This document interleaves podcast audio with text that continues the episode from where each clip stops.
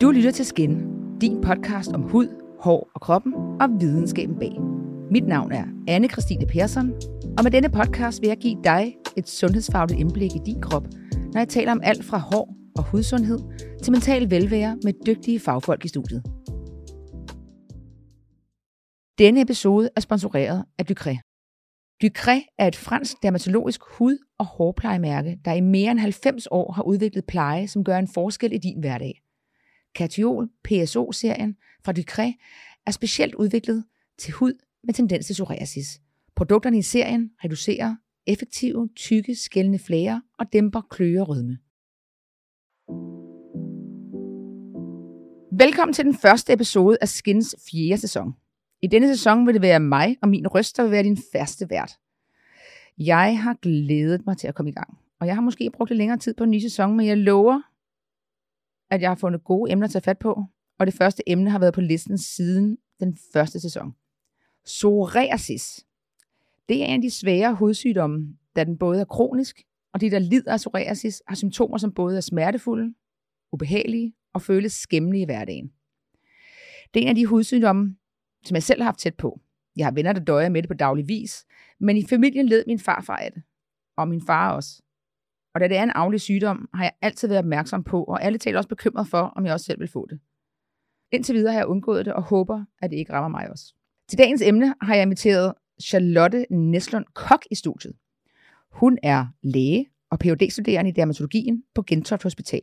Og hun arbejder med psoriasis og psoriasis-patienter på daglig vis. Og velkommen til dig, Charlotte. Tak. Øh, skal vi ikke måske lige starte med, hvad er psoriasis? Jamen, det er jo et uh, rigtig godt spørgsmål, og også lidt svært at svare på. Men vi kalder det en uh, kronisk, inflammatorisk, immunmedieret sygdom, som man kan se på huden.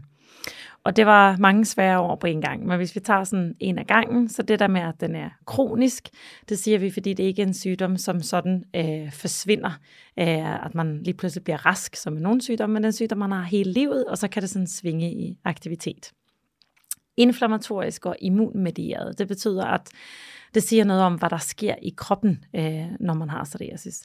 Så det er ikke, problemet sidder ikke i selve huden, der hvor man kan se det, men det er immunsystemet som en måde af, som vi kalder det for dysreguleret, men altså det, det, det snakker ikke sammen på den måde, som det skal, og derfor får man nogle signaler, der bliver sendt til hudcellerne om, øh, at de skal dele sig hurtigere, end de normalt burde gøre. Og, og derfor ser vi det så på huden som de her øh, røde, meget skældende udslæt, eller plaks nærmest. Øhm, og det er sådan meget karakteristisk udseende, så øh, lytterne kender sikkert alle sammen nogen, der har det, øh, hvor man især på albuer og knæ kan se det her øh, meget velafgrænsede udslæt. Og velafgrænset, det betyder, at man man er ikke, er i tvivl om, hvor udslættet starter øh, øhm, og slutter. Det er ligesom som der er rask hud, og, og der er syg hud. Øh, for eksempel øh, eksem, der er det sådan lidt svært at se, hvor det starter og hvor det slutter, men så det, jeg synes, er sådan meget tydeligt, nærmest som om man har tegnet en linje, kan man sige. Det er ligesom at kigge på sådan en verdenskort, så ser man ja, kontinenterne helt klart afgrænset. Ja, ja rigtig ja. god af analog, ja. Så hvad, hvad der sker i kroppen helt præcis? Øh, der er jo sådan, hvis nu snakker om det der med, at hudceller fornyer sig selv. Øh, ja. Hos normale mennesker tager jo 28 dage men det går lidt hurtigere hos psoriasispatienter. Ja, så siger man, at det tager cirka 3-4 dage fra, at øh, hudcellerne i det nederste lag i overhuden, det ligesom er, er nået op og bliver afstødt. Så egentlig det skæld, man ser, det er jo bare afstøtte hudceller, så ikke noget, der smitter eller noget klamt, noget, bare, bare hudceller. Øhm, og det er så, fordi de får nogle signaler fra, fra immunsystemet. Og, og hvorfor der sker et eller andet i det her immunsystem, det, øhm, det ved vi ikke rigtigt, men vi ved, at det er en meget genetisk betinget sygdom. Så hvis både din mor og far har det, så har man 40% risiko for selv at få det. Så rigtig mange af vores patienter fortæller, at de har nogen i familien, der også har psoriasis. Og vi kender i dag mere end 100 forskellige gener, som er med til at, at øge tilbøjeligheden for at få det. Så det er ikke bare sådan et gen, som man kender fra nogle sygdomme, men, men der er rigtig mange forskellige øh, varianter, som så alle sammen bidrager til, at man så ender med at få det. Men det er ikke nok med den genetiske del. Der skal også være et eller andet, der sådan trigger det, som vi kan, altså triggers. Og øh, det, det er sådan, måske mest typiske eksempel er en, øh, en halsbetændelse med sådan en bakterie, som hedder streptokokker øh, som, som meget hyppigt kan give det første udbrud af psoriasis. Men der er også rigtig mange, der fortæller om et eller andet psykosocialt, øh, altså en skilsmisse, eller en øh, eksamen, eller et eller andet, der gjorde, at, at man blev presset. Det kan også være, at man starter med en ny medicin, eller det kan også være, at man øh, får en trauma i huden. Man har været ude og, og lavet havearbejde, og pludselig har man ridet sig, eller man har fået skåret sig, eller noget, og så kommer der så simpelthen psoriasis i det der sår. Det er også det, vi kalder for købnofænomen, som nogen tror jeg har nævnt øh, i en tidligere afsnit.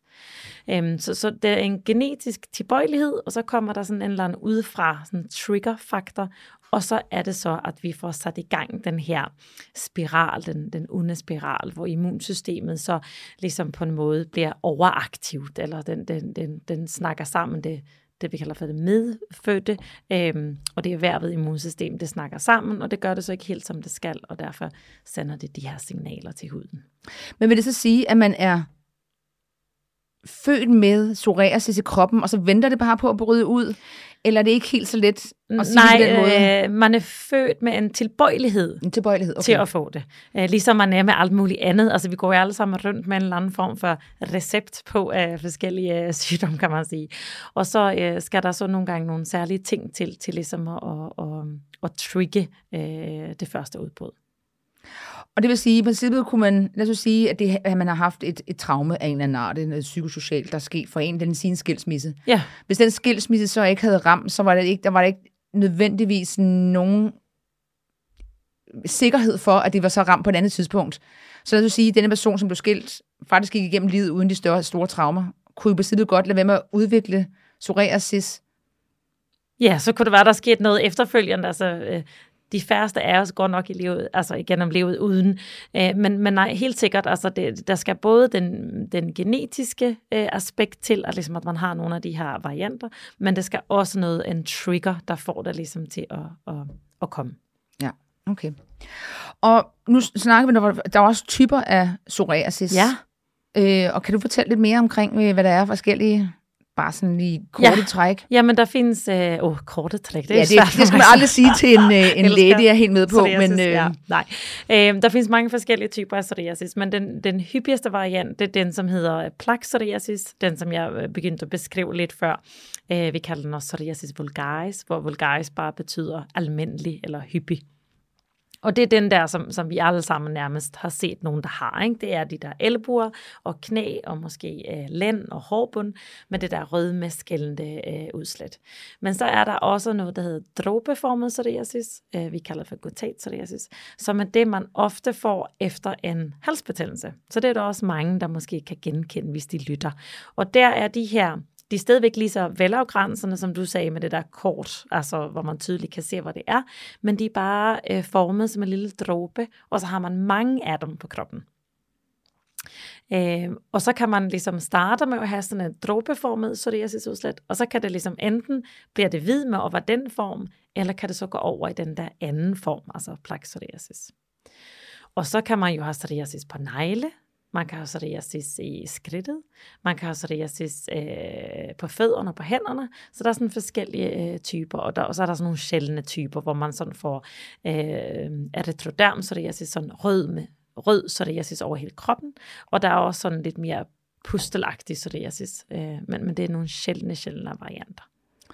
Og så kan man sige, de symptomer, man har, det, altså hvornår, når det så opstår første gang, hvad, altså, er det så nemt at spotte, at det er psoriasis, eller kan man komme til at tage fejl af det, og en anden hudsygdom for eksempel? Øh, det, øh, jeg tror, som, altså, for, for hudlægerne er det tit en sygdom, der er nem øh, at spotte. Men, men for sådan øh, øh, den almene befolkning, og også de praktiserende læger, så kan det nogle gange være svært, fordi de kan jo også ligne andre ting. Så det starter ligesom oftest med, at man bare får en lille rød skældende plet, og så tænker man måske, hmm, det er bare en tørplet, jeg putter noget creme på, eller hmm, er det noget eksem egentlig, eller svamp er det jo rigtig mange, der tror, det er, øhm, fordi der har den, den, det udseende sådan lidt, ikke? Og så, så nogle gange kan det godt tage noget tid, inden man får den rigtige diagnose. Især hvis der er nogle af de der andre former, altså som ikke er den der sådan helt typiske plakpsoriasis, men nogle af de andre, så kan det tage lidt længere tid. Men, men for hudlæger, hudlæger er det ofte sådan en ret nem diagnose, som ikke kræver alle mulige blodprøver og vævsprøver og sådan noget, men sådan klinisk kan man sige, det der, det er psoriasis. Ja. Og så har man de der, du siger, det plak øh, Ja. på kroppen, og det, altså de, er det smertefuldt, eller er det, bare, er det bare noget, der er synligt, eller er det også noget, der rent faktisk gør ondt og svine og kløne? Jamen det er, øh, altså selve øh, navnet psoriasis, det kommer fra det øh, græske ord øh, psora, som betyder kløne udslet. Så, så det er noget, der klør rigtig meget for nogen. Og så som du selv siger, det kan svige, og det kan, man kan jo få revner i det, som jo gør rigtig ondt. Øhm, og, og det kan gå ud over øh, altså søvnen, øh, at man ikke sover, som man skal, og, øh, og så hele den den der sådan, psykiske ting med, at man så jo øh, altså drysser over det hele, altså der hvor man sidder, og så efterlader man et spor af, af skæld, og så, så en masse ting, som, som også kan påvirke sådan psykosocialt, ikke? og det kan være hårdt at have det, og der er også mange mennesker, som ikke rigtig ved, hvad det er, og måske tror, det smitter, og så er det jo ikke så rart at gå rundt med noget, hvis der er andre mennesker, der tænker, det smitter. Og det er simpelthen stadig noget, man, man oplever i 2023, at folk har den der øh, øh, opfattelse af, at det er en, en smitsom sygdom? Jamen det kommer jo helt tilbage fra den gang, hvor, øhm, øh, hvor man synes, at det øh, lignede lidt lepra, som er en, en, en smitsom øh, infektion. Øh, men så er det som om, om Ja, og det ikke rigtigt endnu er nået ud til alle mennesker, at det er øh, en sygdom, og noget jeg håber, vi måske kommer tilbage til, måske ikke kun en hudsygdom, men at det også er en form for systemisk inflammation, men som man bare kan se på huden tydeligt. Ikke? Øh, men, men det er noget, som vi øh, arbejder hårdt for. Øh, også Psoriasisforeningen gør et øh, kæmpe arbejde i forhold til at, at, at fortælle om, hvad psoriasis er for noget, så det ikke skal blive sådan en, et tabu, men at man skal kunne øh, tør at sige det højt, at man har det, og nu sagde du, du sagde selv at du vil gerne tilbage til noget ja. med omkring den systemiske. Kan det måske øh, være... Øh... Ja, men det er fordi i gamle dage, der tænkte vi, at det kun var en hudsygdom, og, og at jamen, det er bare noget på huden, og det er noget kosmetisk, og det, og det er ikke farligt, og det er ikke sådan. Øh, men sådan de sidste 10, 15, 20 år, der er vi blevet sådan klogere på, at det nok er en, en systemisk sygdom, som vi ser på huden. Så, så den her inflammation, som vi ser på huden, den findes nok også andre steder. Så for eksempel øh, psoriasisgigt, det er den almindeligste sådan følgesygdom, som vi ser til psoriasis. Og den har vi jo kendt i mange år, hvor op mod 30 procent, sådan cirka, lidt afhængig af, og, og, hvor undersøgelsen er lavet hen, får det, der hedder psoriasisgigt. Så der er en form for inflammation i leden og i, i senetilhæftningerne, og, og øhm, men så efterhånden er vi så også blevet klogere på, at der også er andre ting, som for eksempel hjertekarsygdom.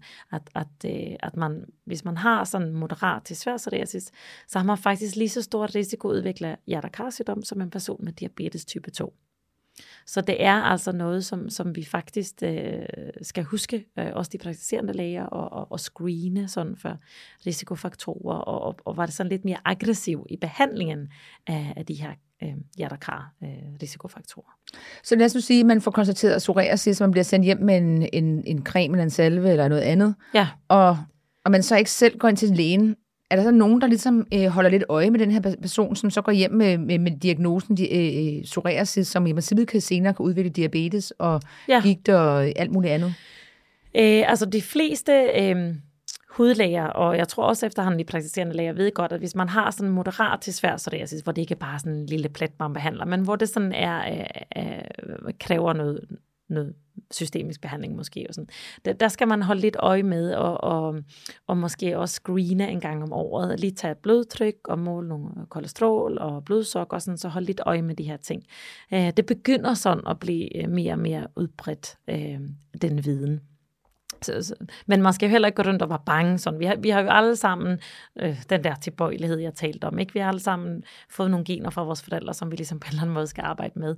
Så det er ikke, fordi man skal gå hjem og være bange, men, men man skal bare huske, at det er en form for inflammation, som, som også øger risikoen for nogle andre ting. Okay. Og nu snakkede om, at det var, at det var genetisk, og øh, man øh, har risiko, kan man vel kalde det, for at øh, arve det fra sine forældre. Ja. Men er det sådan så, at det er, øh, nu har vi snakket meget om det der med øh, øh hudtyper, og mm. øh, er det alle, i, altså har alle risiko for at kunne få, lad os sige, de har forældre, der har haft det, så er det, er det alle, det er alt fra mørk hud til lys hud til... Ja. ja. Alle hudtyper øh, kan få psoriasis, men vi ser en ret stor forskel i, hvor mange der får psoriasis, afhængig af, i hvilket land vi kigger på. Øh, hvilket jo er meget spændende, for hvad er det så, der gør, at der er nogle øh, lande, lande, hvor der er stor forekomst, og andre, hvor der er meget lidt. Øh, for eksempel er der dele i Norge, hvor man er helt op på en 8-10 procent, øh, og så er der andre dele i verden, sådan noget øh, Asien og sådan noget, hvor det er sådan helt under 1 procent. Så, så hvad er det så, der gør den her forskel? Og det er sikkert, det, eller det er en blanding af de gener, vi får, men også noget med, øh, hvor meget øh, skinner solen, og hvad, hvad spiser vi, og sådan, så det er både sådan det miljømæssige og, øh, og vores gener. Og kan man snakke om livsstil, ikke? Altså, hvordan, jo. altså med alt lige fra cigaretter og alkohol ja. til hvilken mad man spiser og, og ja. miljøet. Ja. ja.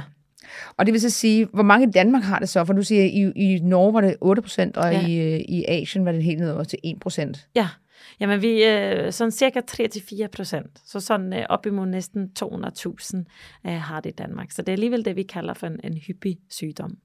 Okay. Så, så en i hver klasse, som, som man kan sige. Ikke? Ja. ja. Og når så, så kan vi snakke om behandlingsmuligheder. Ja. Hvad, øh, hvad, hvad er den gængse øh, måde at gå til det på, hvis man øh, får konstateret psoriasis? Jamen, man starter jo oftest med en form for cremebehandling, og det er jo hudlægerne også meget glad for. Det er jo vores spidskompetence, må man sige. Øhm, så, så der starter man oftest med en form for steroidcreme, øhm, og, og øh, vi er også meget glade for den der kombination mellem øh, vitamin D, sådan et syntetisk vitamin D, som man smør på, men i kombination med et steroid. Det har vist sig at være meget effektivt. Og det er sådan ofte det, man starter med. Øh, og hvis det, så starter man med at smøre det område, hvor man sådan har udslettet øh, en gang om dagen. Og hvis det efter 8 20 dage, sådan cirka, ikke har hjulpet, så skal man tilbage til sin læge, og så skal man enten prøve en anden behandling, eller skal man blive henvist til en hudlæge. Okay. Og det er jo sådan, det er jo, den, det er jo nemlig sådan skridt et. Ja. Og hvad, øh, hvad der er så af de efterfølgende i, hvad hedder sådan noget, niveauer Ja, så på, på samme niveau, så er der jo også nogle andre typer. Altså nogle gange kan man også blande steroid med, med noget sådan øh, skældopløsende, øh, sådan salicylsyre. Der er noget, der hedder Deprasalic for eksempel, som så både virker opløsende af skældet, og som er den her antiinflammatoriske effekt af, af steroidcremen. Så der findes some forskellige kombinationer og sådan noget. Og vi har også begyndt at bruge noget, der hedder calcineurinhæmmer, som er, steroiden har jo nogle af de der der bivirkninger. Det ved jeg ikke, om jeg har talt om i tidligere afsnit, men, men hvis man bruger meget steroid, så er der noget udtynding af huden for eksempel. Man kan få nogle karsprængninger. Og det, det er jo ikke et problem, hvis man kun smører sig lidt, men hvis man nu tænker, at man har psoriasis hele sit liv, fra det man er 12 til man er 90, så kan det godt blive øh, perioder med meget steroid. Og derfor så, så bruger vi også det der calcineurinhæmmer, som man også bruger til eksem, som jo så ikke har de bivirkninger. Og, og, og, og øh, derfor er den, de gode til sådan vedligeholdelsesbehandling. Det er ikke lige så effektivt at slå det ned, men er god til sådan vedligeholdelsesbehandling. Okay. Ja, så det var bare for at sige, at der er nogle flere ting på det øh, øh, trin der. Og hvis det så ikke virker, så skal man begynde at tænke, om man skal øh, på noget øh, tabletbehandling. Og der er noget, der hedder metotrexat, som, som også ofte er førstehåndsvalg. Men der er også andre, hvis det nu er sådan, at man har en anden sygdom, som gør, at metotrexat ikke er så godt, eller man vil have hurtig effekt, så er der nogle andre. Men, men det er ofte det, der bliver nævnt som det første. Og på samme niveau kan man sige, at lysbehandling også. Øh, det bliver især brugt ude hos de privatpraktiserende hudlæger. Og lys har du jo med øh, at have den her sådan... Øh, antiinflammatoriske effekt. Så der er rigtig mange patienter, som oplever øh, god effekt af at ude i solen, altså både på ferier og i weekender, men også som en decideret lysbehandling. Og lysbehandling øh, lyder jo meget charmerende, men, men det er ret tidskrævende. Det er tre gange om ugen, så man så skal komme op til den her praktiserende hudlæge og, og få lys. Men, og i hvor lang en periode snakker vi om? Er det så... Jamen, det er sådan en 12 øh, uger eller noget i den okay. stil, ikke? Ja.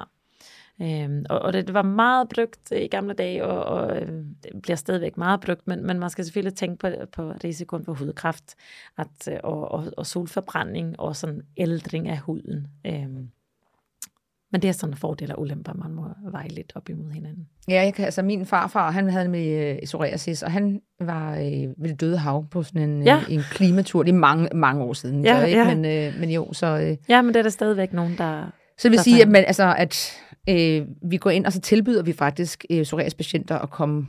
Og nu siger jeg så på ferie, det er jo ikke en ferie at komme på sådan en... Uh, Nej, Det er det virkelig ikke, og det er hårdt program, og den hele måned, hvor man er sted, og, og med, hvordan man skal smøre sig og bade, og mineraler og sådan noget. Og det, og det er... Øh, det er jo som et alternativ nærmest til en indlæggelse. Altså, så det er, hvis man virkelig, virkelig, virkelig er syg.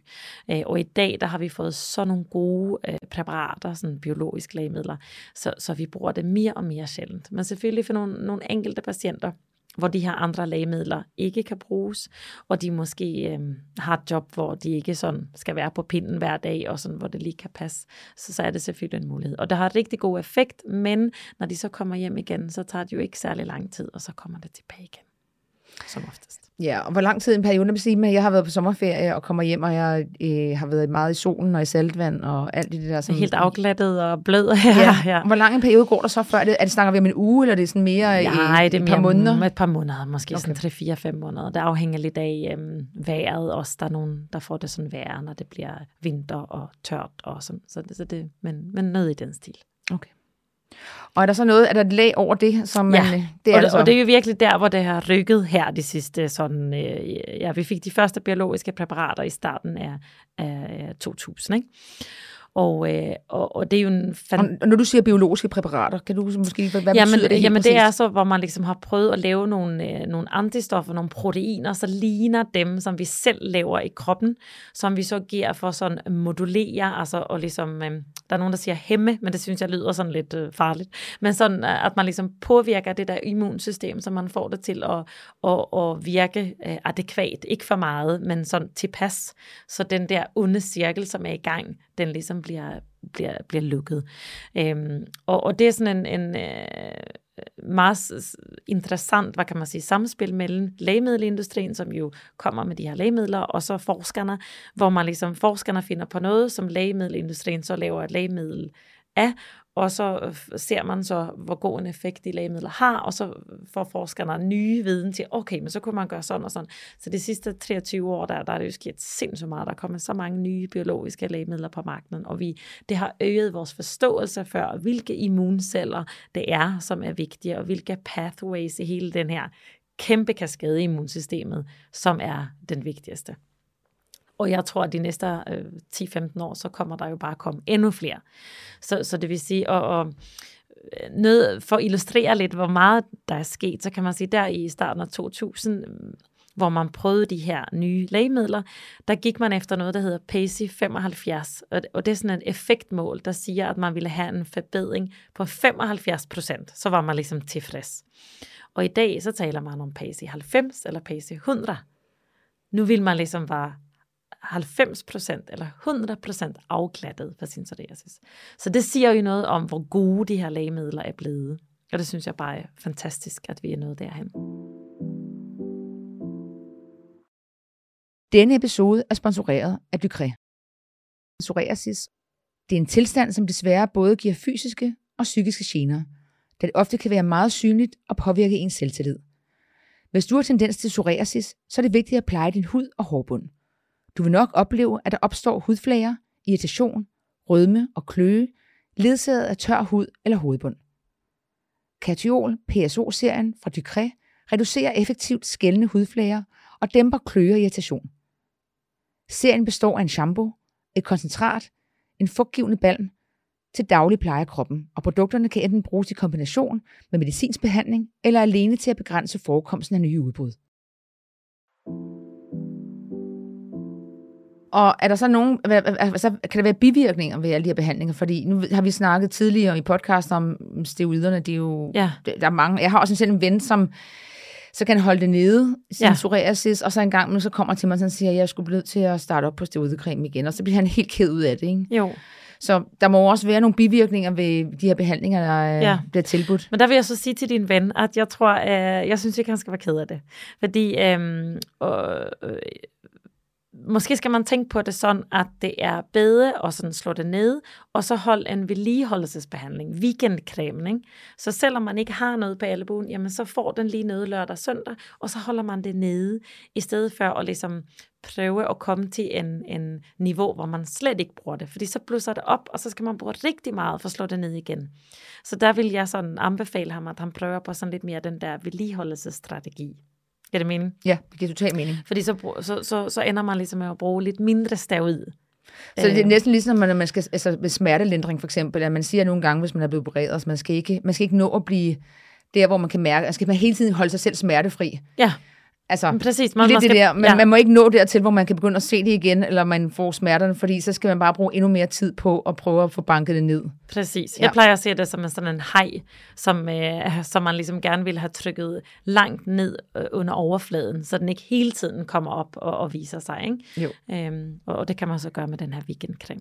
Okay. Nå, men er det så sagt, hvad var det nu, det spørgsmål? Undskyld, det var, Hvilke bivirkninger der kan være ved, øh, Når vi de andre ved ting, behandlinger. Ja, og øhm, altså de her systemiske, vi, øh, som vi kalder sådan de traditionelle, konventionelle systemiske behandlinger, som for eksempel metotrexat, der er der nogle bivirkninger, men til gengæld så kender vi jo virkelig det her præparat godt. Ikke? Metotrexat begyndte man at bruge i sådan noget 50'erne, så det er jo noget, hvor vi kender alle bivirkninger, som er der.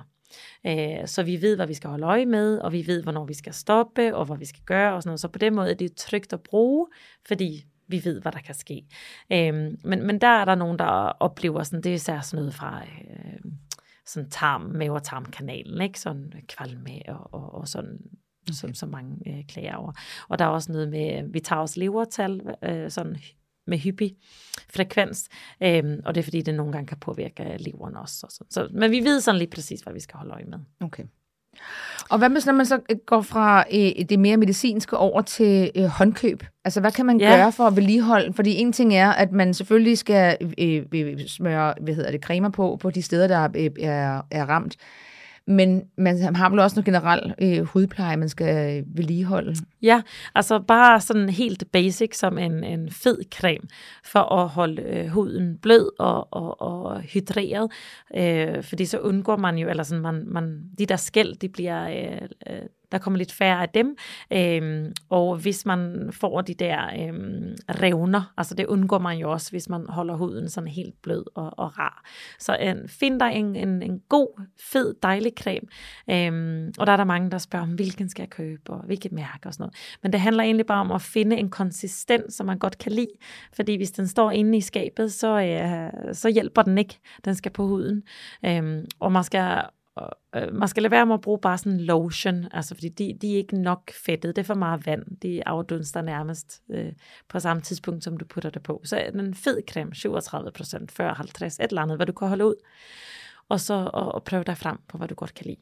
Og der er nogle ingredienser, der virker bedre på, øh, Ja, altså, hud. Ja, altså øh, i gamle dage, der brugte man meget tjære, det ved jeg ikke, om øh, I har talt om, øh, men det er sådan anti-inflammatorisk også, så man havde tjærebede, og man havde tjærecreme og sådan noget. Og der tror jeg, at der stadigvæk er nogle håndkøbscremer, hvor der er en lille smule tjære i. Øhm, og så er der jo sådan noget, der virker øh, skældopløsende, som vi talte om lige før med salicylsyre. Der er der også forskellige cremer, som indeholder en lille smule af det, som, man, som så kan hjælpe med at opløse de her skæld. Okay. Og sådan noget som livsstilsændringer, det snakker Ja. vi lige ganske kort om, med, øh, hvis man ryger og drikker, og, øh, ja, og generelt spiser forkert og sådan noget der. Hvad, hvad, hvad, hvad kan man gøre for at Ja, men det er faktisk øh, et af de spørgsmål, som, øh, som jeg får allermest fra patienterne, fordi øh, selvfølgelig vil man jo gøre så meget, man kan selv, øh, for at, at gøre det bedre. Øh, og øh, mange patienter med psoriasis, de fortæller, at hvis de drikker meget alkohol, eller øh, hvis de spiser usundt, eller ikke får nok med søvn, eller der er øh, stresset på arbejde eller i familien, så forværrer det øh, psoriasis-udslættet. Øh, det er ikke alle af de her ting, som vi sådan kan genfinde i, i forskning, men, men forskning er jo også svært, øh, fordi det, det er jo ikke bare, at nogen fortæller om noget, men vi vil jo gerne have sådan evidens, beviser fra sådan randomiserede kliniske studier, hvor man har sådan tilfældigt fordelt folk i to grupper, og så, ligesom, så skulle man jo egentlig sådan lave en, en, en, øh, et studie, hvor, hvor øh, halvdelen, de skulle så ryge, og den anden halvdel skulle ikke ryge, og så skulle man så se, om den ene gruppe fik værre psoriasis end den anden. Og selvfølgelig gør man ikke sådan et studie, det er sådan uetisk, og, og det, det kan man ikke gøre. Men, og derfor er der nogle af de her ting, som er lidt svært for os at sige, hvad er der evidens for, hvad der ikke er evidens for.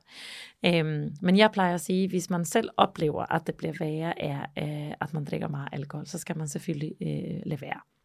Og der er jo meget sådan rent teoretisk, der ville give mening i, at meget alkohol kunne, kunne forvære det. Så, så øh, ja, at holde sig inden for Sundhedsstyrelsens retningslinjer er jo øh, tit en, en god ting. Så øh, overvægt er vel nok det, hvis man skal tage noget med sig hjem fra det her med livsstil, så er det, at vi har ret gode beviser fra forskellige studier, at overvægt øh, både øger din risiko for at udvikle psoriasis, men det kan også forvære, hvis du allerede har sygdommen, og hvis man taber sig i vægt, så ser man faktisk, at psoriasisen bliver bedre. Så man kan ikke behandle en psoriasis med at tabe sig i vægt, men man kan bruge det som et supplement til øh, den behandling, man, man alligevel tager. Hvis man er overvægtig, skal lige siges. Det er ikke sådan, at øh, øh det er ikke testet på, hvad kan man sige, normalvægt. Ja, men hvis man er overvægtig, så ser det ud som om, der er en gavnlig effekt at tabe sig i vægt. Okay. Og sådan noget med, altså for eksempel at sidde og spise øh, broccoli eller øh, fisk, eller er der nogen, er der noget, man kan, kan man lidt, ikke, man kan, jeg ved godt, man ikke kan, officielt kan spise sig ud i sin psoriasis, men kan man minimere det ved at spise, øh, at spise bestemte ting? Ja, og det er også en øh, uh, super spændende spørgsmål, og, og jeg er også selv i gang med at forske lidt i det her med, med kostvaner og psoriasis. Og desværre er der meget lidt forskning på området. Og derfor øh, kan vi ikke rigtig gå ud og sige andet end det der med at undgå at, at, at blive overvægtig eller tabe sig, hvis man er overvægtig. Den er sådan ret øh, bevist. Øhm, men, men der er nogle studier, der muligvis kunne vise på en øh, effekt af middelhavsinspireret kost, altså med mange fiber og fed fisk og olivenolie og oliven og frugt og grøntsager og linser og sådan. Øhm, og, og, og meget sådan omega-3, som også er i, i oliven, øh, fed fisk, undskyld. Så, så, så, så det kan man prøve i en periode og se, hvis man synes, at, at det har effekt. Øhm, så er der øh, en større andel af vores patienter, som er øh, har, øh, glutenintolerante. Øhm, og, og der kan man jo så, hvis man har det og psoriasis, så kan man prøve en glutenfri diæt. Men, men ellers så, så er der ikke noget at, at hente i at øh, ikke altså at spise glutenfrit. Okay. Og kosttilskud for eksempel, er det, ja. er det noget, man kan... Endnu et godt spørgsmål. Ja, ja, ja. Godt spørgsmål. Jeg kommer med mange af dem i dag. ja. Nu sagde du selvfølgelig, at øh, D-vitamin øh, har en positiv effekt på psoriasis. Ja. Men kan man, hvis man så sidder og propper sig selv med D-vitaminpræparat eller, eller tilskud, er det noget, man vil kunne se på det er der mange forskere, der har kastet sig over, øh, også mig. Øh, og og øh, vi kan bare ikke rigtig se, altså vi kan se, at der er mange patienter med psoriasis, der har lavere niveau af vitamin D. Men til gengæld, når vi giver vitamin D-tilskud til nogen med psoriasis, så virker det ikke rigtigt til at, at, at gavne selve øh, psoriasisen. Øh, men, men om det så er, fordi vi ikke ligesom har fundet den rigtige mængde og den rigtige tidspunkt og hvor længe og sådan noget. Det, det, det, det er svært at vide. Men, men indtil videre, så kan vi ikke sige andet, end at man skal følge de almindelige øh, kost... Øh, øh, guidelines for, hvordan man skal spise. Øh, men vitamin D er helt sikkert noget af det, som der bliver forsket mest på, netop fordi vi bruger den her, øh, altså vitamin D i cremen, som har rigtig god effekt på hudcellerne. Vi kan bare ikke endnu vise, at det hjælper øh, mod selve psoriasisen at tage ekstra vitamin D. Okay. Øhm, nu snakker vi selv lidt om det der med de psykiske udfordringer, der er ved at have øh, psoriasis. Ja. Er det noget, som I også sidder og forsker i? Altså, fordi det er jo en, en sygdom, som gør, at man kan være udfordret på at gå på arbejde og have Helt socialt bestemt. liv. Og, øh... Ja.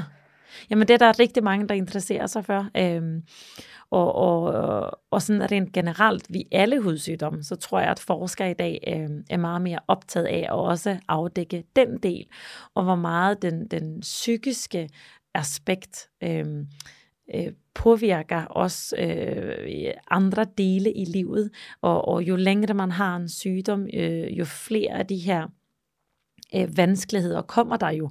Altså, så det, det starter måske med, at man bliver lidt mobbet i skolen, fordi man har en hudsygdom, og så øh, får man ikke rigtig kærester i den der periode, hvor andre får kærester, og så øh, kan man måske have svært ved at beholde sit job, og så bliver man sygemeldt, og så øh, har man endelig fundet nogen at blive gift med, men så bliver man skilt, og så lige pludselig så, så kommer der mange ting, som følge af at have en kronisk hudsygdom.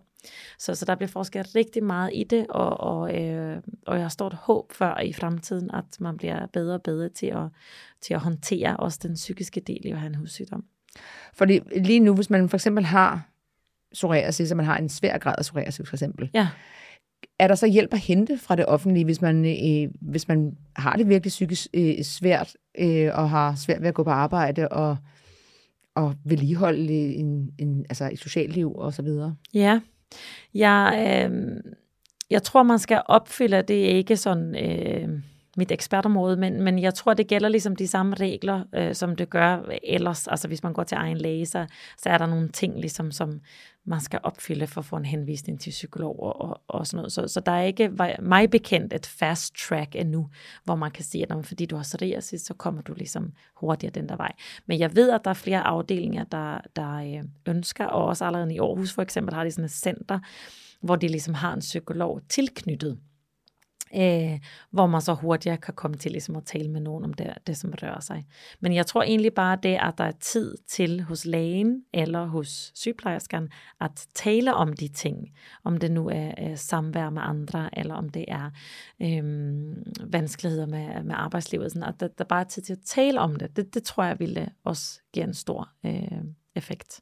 Er der, nogen, øh, er der ny forskning, der viser noget spændende? Er der noget, du kan allerede se nu, og sådan, ah, om fem år, så der, har vi fundet ud af at se, hvorfor man får psoriasis, eller er der en ny medicin, som kan komme, og man kan tage en pille, og så går det bare helt væk? Eller? Ja, Jamen der, jeg, jeg kiggede faktisk her, inden jeg kom i dag, øh, så gik jeg ind og kiggede på det, der hedder PubMed, som er vores sådan, øh, søgemaskine, hvor forskerne sidder, og, og hvor alle artikler bliver publiceret. Og der kan jeg så se, at i 2002, der blev der publiceret sådan cirka 200 artikler om psoriasis. Og hvis vi så kigger på 2022, så var det tal næsten 4.500. Wow. Så det siger noget om, at der, altså, der bliver lavet så meget forskning inden for psoriasis og vi bliver så meget klogere for hvert år, der sker. Og det gælder egentlig sådan alle dele, altså som du selv sagde, alt fra hvorfor får man så det jeg synes, ikke? hvilke genetiske varianter er det, måske at man om lidt øh, kan tage en blodprøve, og så afhængig af hvilke genetiske varianter man har, så kan man sige, når man, din prognose er sådan her, og derfor skal du have den her medicin, og derfor skal vi følge dig på den der måde. Øhm, så, så, så, så hele den del, der sker der rigtig meget. Og også i forhold til de der triggers, altså nu snakker vi om overvægt og rygning og sådan noget. Der kommer sådan en, en ny metode, øhm, øh, som hedder Mendelsk randomisering, hvor man så bruger nogle genetiske varianter som ligesom instrument, som gør, at det er nemmere at sige noget om, hvad der er årsag til, at man får psoriasis. Øhm, og, og, og, og det er fuldstændig eksploderet det sidste par år, og, og, og det gør, at vi også øh, får mere viden om, hvad der egentlig er årsag til det, og hvad der bare ses oftere sammen med sygdommen. Fordi hvis vi nu tager rygning som eksempel, så er der jo øh, mange studier, der viser, at patienter med psoriasis, de ryger mere end dem, der ikke har psoriasis. Men om det er, fordi det er hårdt at have en den her hudsygdom, og man derfor bruger rygning som en måde at ligesom håndtere det på, eller om det er fordi, at rygningen giver psoriasis. Jamen det ved vi jo ikke nu, og det skal man jo så øh, komme tættere på. Og så er der jo hele behandlings, altså øh, med lægemidler, der sker jo så meget. Altså der er så mange nye stoffer i kliniske afprøvninger lige nu i de der forskellige faser. Øh, og både sådan i den samme boldgade med det her biologiske, som vi talte lidt om før, men, men, men også sådan, at man vil også gerne finde noget mere til dem, der har lidt mildere former. Øh, for, for de biologiske er jo stadigvæk til dem, der har sådan moderat til svær psoriasis, men, men, men til dem, der også har lidt, lidt mildere, der, der er der også en, en, nogle nye ting på vej. Så der sker simpelthen så meget. Der sker så meget, og det er jo dejligt at ja. høre, at der bliver, bliver forsket så meget i, i den slags, og det, det er arbejde, du sidder og laver til hverdag. Men studier viser jo, at op imod hver tredje patient med psoriasis får faktisk ikke behandling. Og det er jo sådan en, så kan man spørge sig, hvorfor det? Øh, og det er sådan en blanding mellem, at der er nogen, der øh, ikke øh, ved, at der er så gode behandlingsmuligheder i dag, som måske har haft det i mange år, og i gamle dage synes det ikke rigtigt, at der var noget godt alternativ. Nogen, der sådan ikke gider at smøre sig, fordi det er også hårdt arbejde. Husk at smøre sig en gang om dagen eller to gange om ugen. Og så nogen, der måske ikke ens ved, at de har psoriasis, og, og bare har en eller anden plet på kroppen. Øhm, og, og, og, og det er bare vigtigt at huske, at i dag, der, der er der så gode behandlingsmuligheder, at jeg synes helt sikkert, at man skal give den en ny chance. Øhm, også i forhold til, at vi jo måske ikke helt ved, om man jo også så nedsætter risikoen for de her følgesygdomme ved at, at øh, behandle lidt hårdt og aggressivt fra starten. Øhm, det er der er også mange, der sidder og forsker i. Men, men ja, sådan så man faktisk, hvis man ikke behandler det, så er der en større risiko for, at de andre følgesygdomme kan komme, som alt lige fra gik til hjertekarsygdomme. Ja, og, det er sådan ja. en teori, vi har, så får den der ligesom, systemiske inflammation bare lov til ligesom, at køre derud af. Ikke?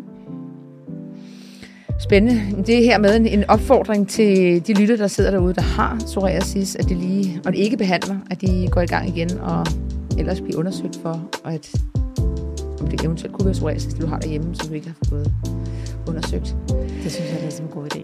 Så øh, dejligt. Men prøv at høre, Charlotte, tusind tak, fordi du har lyst til at komme ind og fortælle lidt mere ja, om selv. psoriasis.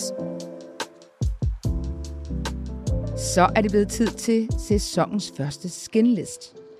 Og jeg har taget de produkter med, og med, hvad, hvad det kommer til øh, plejeprodukter til psoriasis, og det er i håndkøb, så er det med, at man ligesom siger, det er pleje til hud med tendens til psoriasis. Man kan sige, at da det fjerner psoriasis, så bliver det til et lægemiddel, og derfor øh, så skal det være på recept.